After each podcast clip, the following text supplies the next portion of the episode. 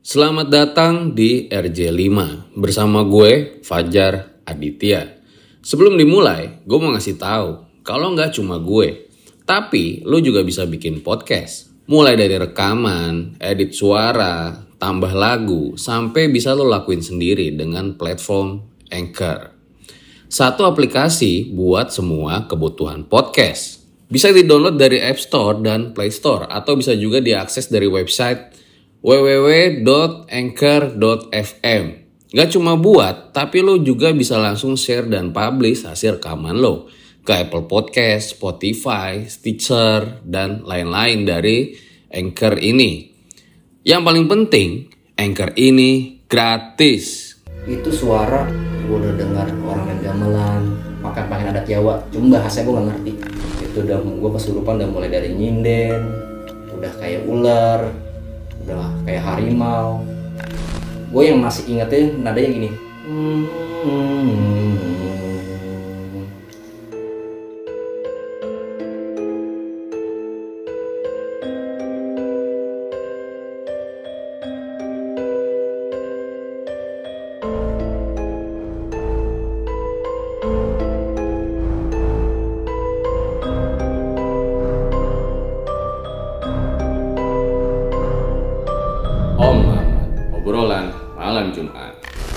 lagi bersama gue Fajar Aditya di Om Mamat season 1.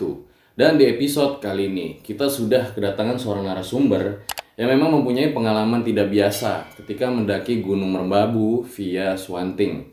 Selamat malam Mas Irul. malam mas Jadi pengalaman yang tidak biasa ketika mendaki Gunung Merbabu. iya betul Dan buat kalian ketahui, jadi ceritanya Mas Irul ini sempat masuk salah satu website pendaki gunung yang memang menceritakan kisah-kisah horornya ya Iya. ketika mendaki Gunung Merbabu. Iya. Jadi langsung saja berikut adalah ceritanya. Sebelum gue mulai video ini, jangan lupa untuk tekan tombol subscribe. Dan juga jika kalian menyukai konten-konten horor seperti ini, jangan lupa tekan tombol lonceng di sebelahnya agar kalian mendapatkan notifikasi-notifikasi terbaru dari video kami. Selamat menyaksikan.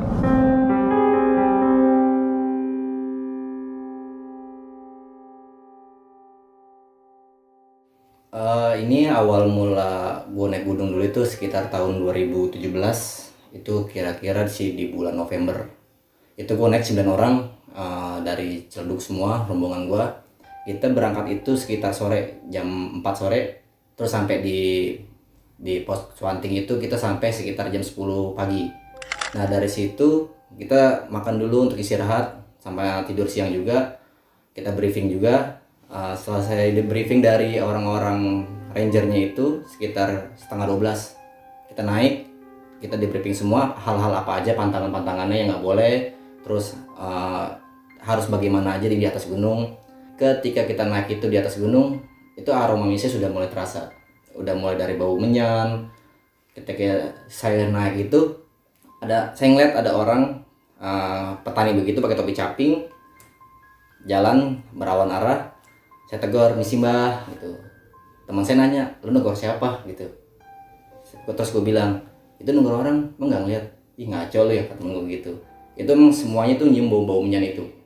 Ketika kita naik sampai atas itu udah di sampai pos 1 itu kita istirahat karena teman kita ada yang satu itu ngedrop. Karena di gue sebelumnya juga lagi ada masalah keluarga. Kita ngedrop situ hampir setengah jam kita istirahat kita makan juga lagi makan makan di situ. Itu pas banget azan zuhur di situ. Kita naik istirahat temen udah muntah kita briefingin lagi mau turun apa lanjut tapi temen mutusin buat lanjut. Itu dari situ udah terdengar dah suara-suara aneh. Padahal kita di situ cuma 9 orang cuma posisi di situ rame banget kayak bener-bener kayak, kayak pasar ramenya. Kita jalan jam sekitar jam satu setengah duaan itu udah jalan.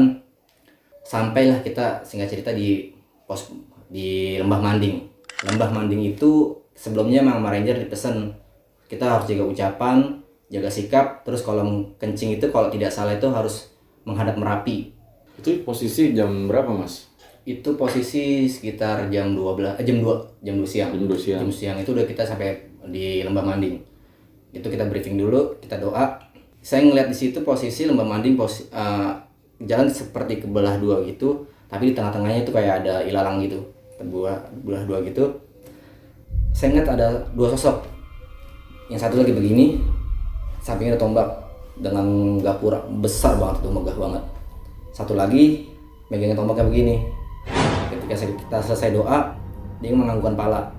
Mungkin kalau pikiran kita tuh kita udah diizinin dari situ jalan. Kita masuk itu kita masuk hawa udah beda banget. Kita jalan itu memang posisi jalur Swanting itu baru dibuka sekitar baru satu bulan.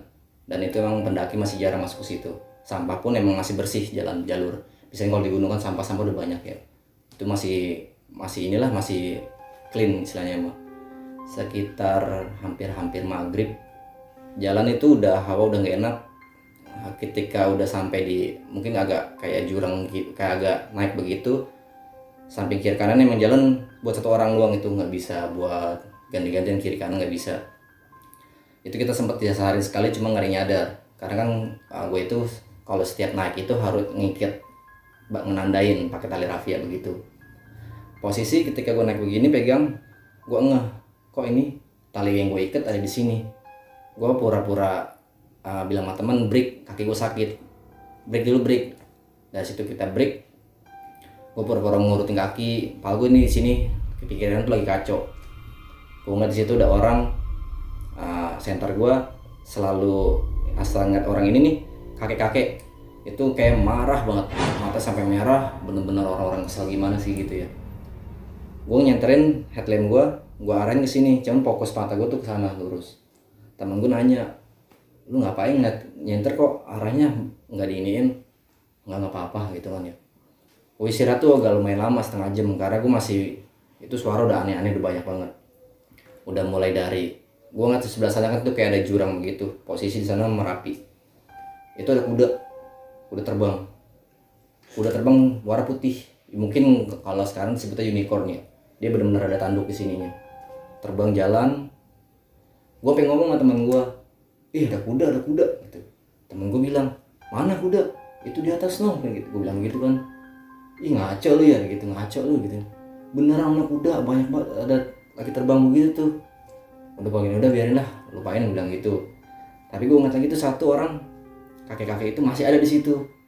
Itu udah bau menyan. Gue nanya sama teman gue nyimbau sesuatu enggak gitu. Enggak kata dia enggak ngenjum apa-apa gitu. Tapi gue ngeliat masih ada tuh orang itu kesel banget mukanya kakek-kakek. Kalau gue ngeliat posisi itu kakek-kakek itu sama sama yang di bawah gue tegur itu. Tapi dengan mata yang benar-benar marah. Dan kita naik udah jalan posisi. Nah teman gue cerita. Di posisi mau jatuh tuh di kayak jalan agak sempit begitu teman gue namanya Andre dipanggil kunyuk. Bilang nyuk tolongin gue gitu. Tolongin tuh diangkat begini. Cuma pas dia nengok ke atas itu nggak ada orang di atasnya. Teman gue itu ada di urutan kedua paling di bawah. Dia diem aja. Dia bilang break dulu. Emang gue sama dia emang sering cerita ada masalah-masalah kayak gitu. Itu pun di jalur gue cerita dia cerita. Tadi gue cerita gini hari nolongin gue katanya gitu. Cuma pas gue ngeliat ke atas nggak ada orangnya. Jadi biarin aja tapi ceritain lagi. Dipegang. bener-bener pegang begini kata dia. Bener-bener salaman. Rasanya diceritain nggak kayak apa? itu posisi tangan emang agak lebih besar katanya. Lebih besar lebih besar pegangan pun kencang banget. Orang sampai dia diangkat begitu langsung duduk. Istilahnya kalau kita diangkat kan seorang naik orang naik gunung posisi tenaga udah agak lemah kan. Dia benar-benar kuat banget naik gitu langsung duduk. Pas dia nengok ke atas gini itu nggak ada orang. Nah, kita jalur jalan itu posisi udah jam sekitar jam setengah tujuan. Karena emang kita jalur itu makan waktu lama banget. Karena posisi teman kita lagi sakit juga kan itu nggak lagi kurang fit. Naik jalan sampai di pos kalau nggak salah itu hampir pos 3 itu udah kan jalan naik begini terus langsung begini landai. Gue ngeliat ada orang di bawah pohon itu kayak ada lagi ngerokok. Temen gue semua yang lihat posisi itu. Wah bilang wah ada orang ngerokok no itu posisi wangi dibilang bau menyan bukan cuman wanginya itu kayak bau melati campur menyan baunya. Ngerokok wah ini posisi jalur kita begini pohon di sebelah sini. Gue semuanya bilang wah ada orang lagi ngerokok di bawah pohon gitu. Semua yang lihat asap rokok kelihatan tengah malam ya. Uh, asapnya pun kelihatan gitu. Tapi pas kita lewat begini pas persis di bawah pohon orang itu nggak ada. Sekitar 5 meter karena itu posisi lagi gerimis agak berkabut juga. Itu orang hilang temen gue nanya lu pada nyium bau gak sih? Wangi apaan sih ini ya? Gue karena buat maksud gue nenangin pikiran teman gue gue bilangnya cuman ini bau kembang ini. Padahal tuh emang nih bau nggak nggak wajar.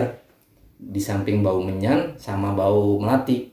Sedangkan situ pohon nggak ada pohon melati cuma pohon ilalang aja tuh. Kita jalan teman gue yang agak udah nggak parah itu akhirnya udah nggak bisa lanjutin dia tiduran di atas keril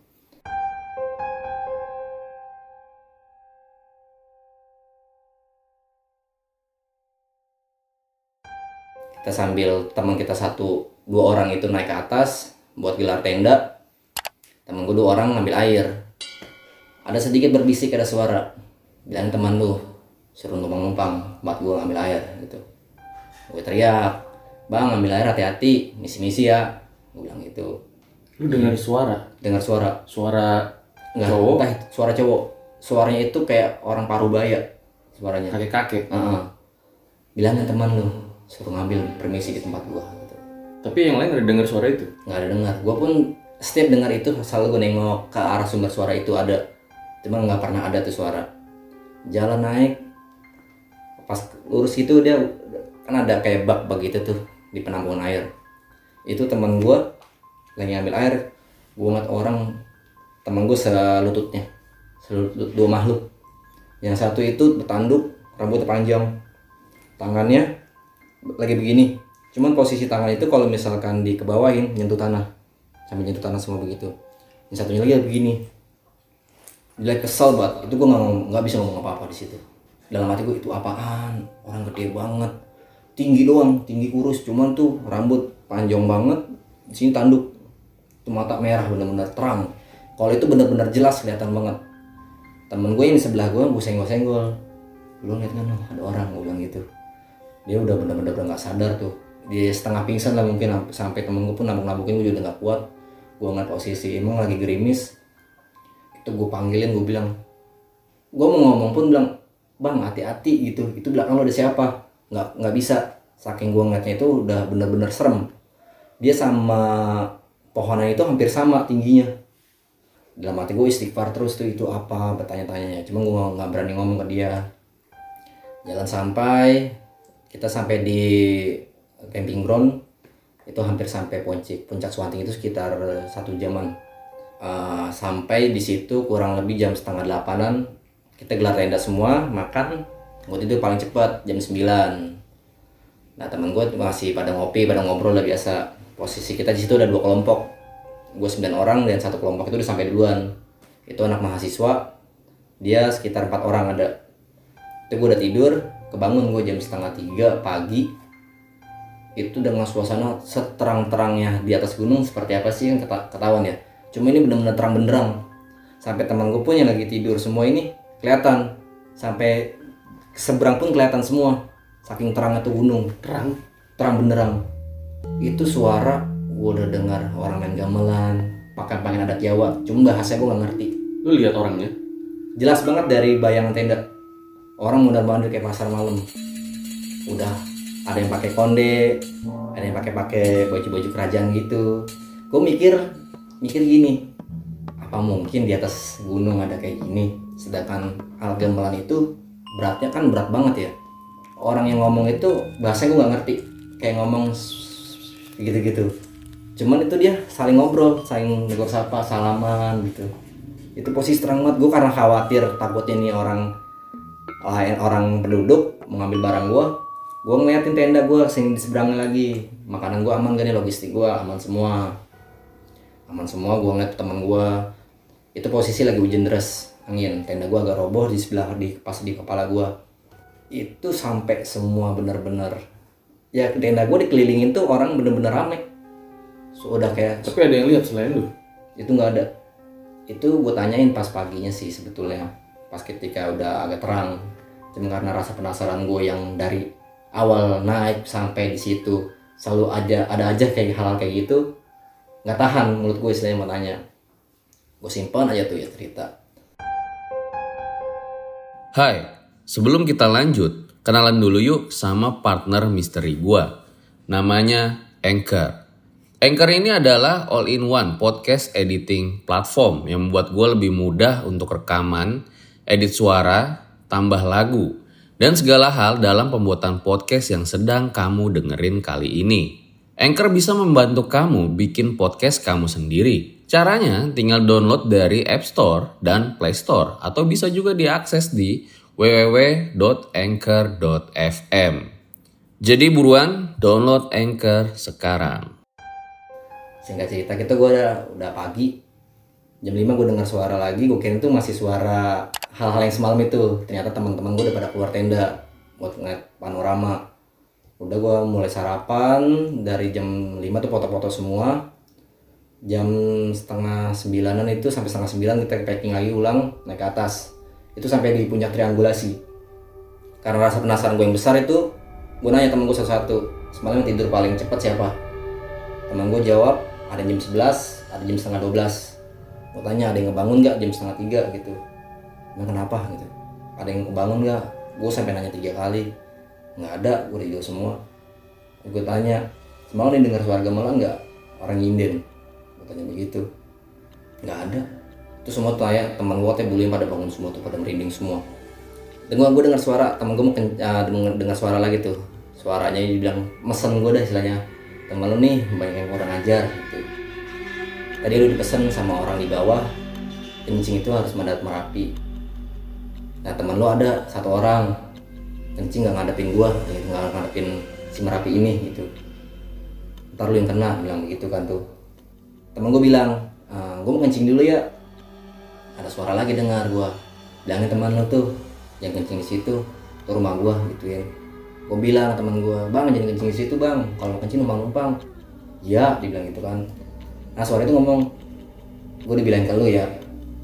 Ntar kalau lu nggak ngasih tau dia lu yang kena. Bilang gitu tuh. Udah tuh dia kencing tetap di situ.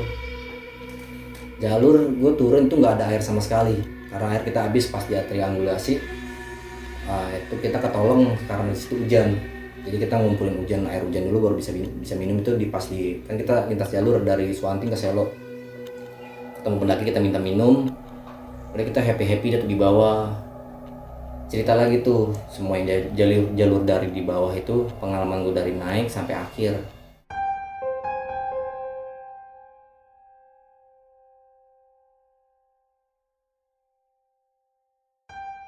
Nah ketika gue udah sampai pot uh, di rumah uh, gue foto nih foto-foto iseng-iseng sama temen gue berdua. Temen gue pun gue nanya lu foto sama siapa? Gitu sama gue itu beda muka gue posisi muka gue ini sini jidat gue agak panjang. Muka gue agak agak agak sedikit bulat. Janggut gue agak panjang begini di sini gue merah mata gue pokoknya kuping gue juga agak panjang sedikit. Itu dua ada dua foto kayak gitu posisi sama semua muka gue berubah sampai foto itu gue minta gue kasih tahu ke orang tua gue pas udah sampai rumah.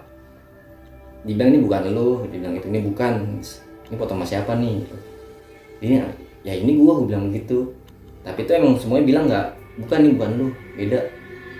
Udah tuh gue selang satu hari sampai rumah uh, sorry di gue kencing tuh berasa sakit banget. Bener-bener kayak di pencet begitu tuh. Cuman dari dalam sakitnya itu udah gue minum obat apa pun nggak nggak nggak manjur.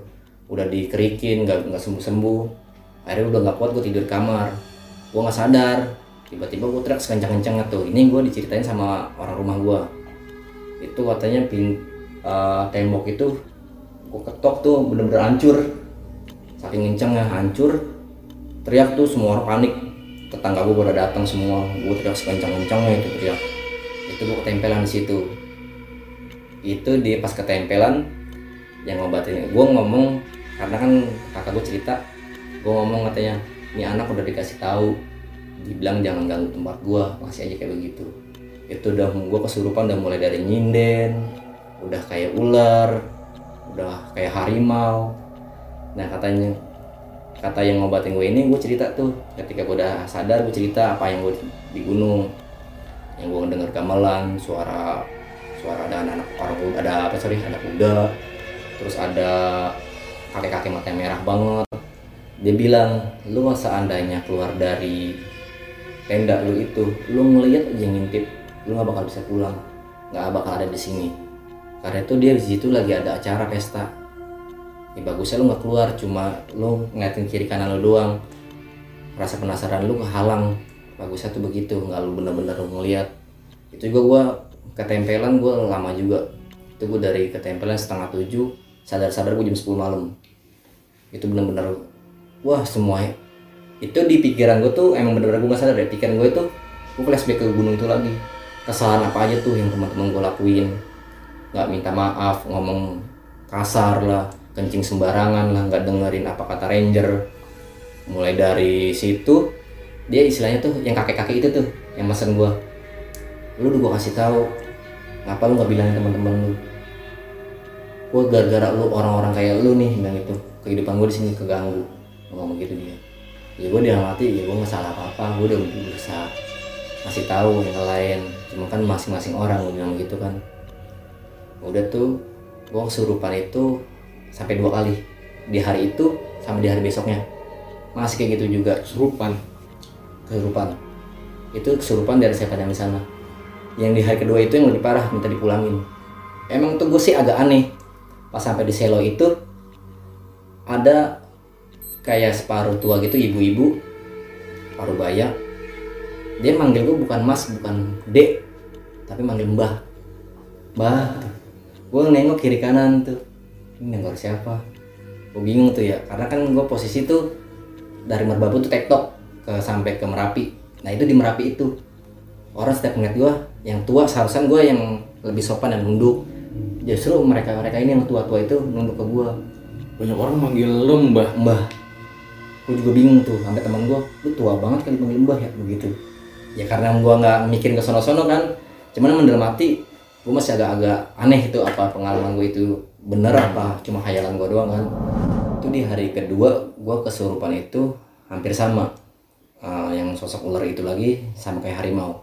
Itu kalau pengakuan dari kakak gue itu gue tuh bener-bener ngeliat begitu dengan lidah menjulur mendesis benar-benar mendesis gitu terus pas harimau jelas ke ganti-ganti pokoknya setelah itu dikeluarin ganti masuk harimau.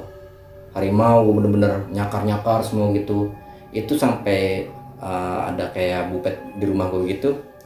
Gue tonjok itu ada yang pecah emang. Sampai sekarang juga masih ada pecahannya itu. Dari dari harimau itu balik lagi gue akhirnya. Nyinden nyanyi serung sampai pun gue joget begini. Itu suara-suara perempuan. Bener-bener suara perempuan banget itu Ibu nyanyi begini emang posisi gue itu kalau di pikiran gue itu gue lagi ngeliat dia lagi ngeliat orang lagi joget lagi nyanyi nyanyi dan gitu. Dengan pakai kebaya begitu kebaya sepotong gini tuh.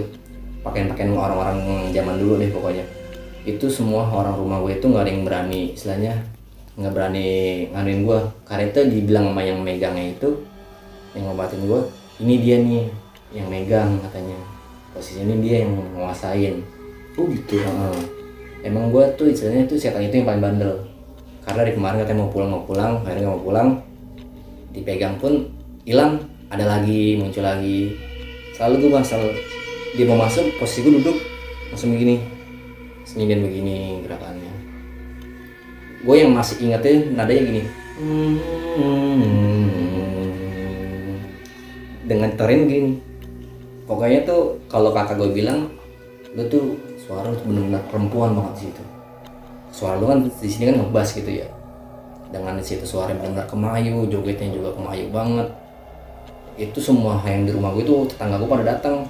Itu semua pada merinding bulunya ini bulu kuduknya ya itu gue suka tempelan sekitar sejam. Sejam kemudian sadar ditanya ini masih kemarin? Gitu terus lu gue dikasih apa gitu? Kayak rempah-rempah begitu suruh makanin itu Eh, ya udah alhamdulillah sampai sekarang gue nggak nggak pernah kayak gitu lagi. Karena kan gue pengalaman gue naik gunung pun selalu pasti pulang dari situ ada aja kejadian kejadian kayak gitu-gitu. Nggak yang aneh-aneh cuman yang paling intensitas paling tinggi itu ya cuma di berbabu. Sampai tempelan ya. sampai ketempelan. Dua hari lagi. dua hari. Itu juga waktunya lama. Yang benar-benar nguras tenaga dah itu. Luar biasa sekali pengalaman yang dialami oleh Mas Irul ketika mendaki Gunung Merbabu ya. Mungkin ada beberapa pertanyaan masih mengganjal ya. Me- Memang dari awal itu kan terlihat sudah aneh ya, lu mencium bau menyan, kemudian lu melihat sosok kakek-kakek yang pada akhirnya itu terlihat terus sama lo ya. Bahkan katanya salah satu yang tempelan itu sosoknya kakek-kakek ya. Hmm, betul. yang aneh mungkin penonton juga ingin nanya gitu loh. Kenapa ngirim pesannya ke lo doang gitu Ya mungkin kalau banyak ada beberapa orang bilang nih, gue salah satu orang yang pendengaran dan penglihatannya agak sedikit spesial dibanding yang lain. Tapi gue ngerasa nggak kayak gitu, mungkin bisa disebut indigo ya. Cuman di penglihatan gue itu eh, emang agak samar kayak contohnya kita ngeliat orang di dalam air kayak gitu, nggak jelas. tapi lu indigo Enggak, kalau gue sih ngelakuin gue enggak, bukan. Cuman gue tapi pada saat tertentu lu bisa melihat sama iya, ya eh, lebih peka di tempat-tempat tertentu gitu. Hmm, jadi mungkin karena itu ya. Hmm, teman-teman lu itu ada yang kencing sembarangan. Hmm, betul. terus berkata ngaco juga ada ya? Banyak kalau itu. Karena kan kita kalau di jalur itu untuk menutupi rasa lelah biar nggak bosan di jalur pasti selalu bercanda. Cuman mungkin di saat marbabu itu posisi nggak pas. Karena emang ya teman-teman gue kata-kata juga sedikit jorok dan eh, kotor dah dan itu kalau tidak salah via Swanting pada saat lo mendaki memang baru dibuka ya? Baru dibuka sebulan ya oh baru buat sebulan. Jadi belum banyak pendaki yang tahu mungkin ya? Iya betul.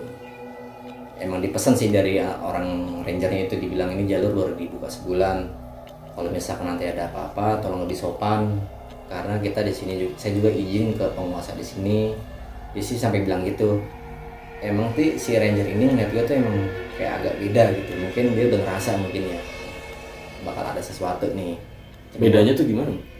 dia lebih nekenin ketika ngomong ke penguasa itu ke arah ke gua sampai megang begini.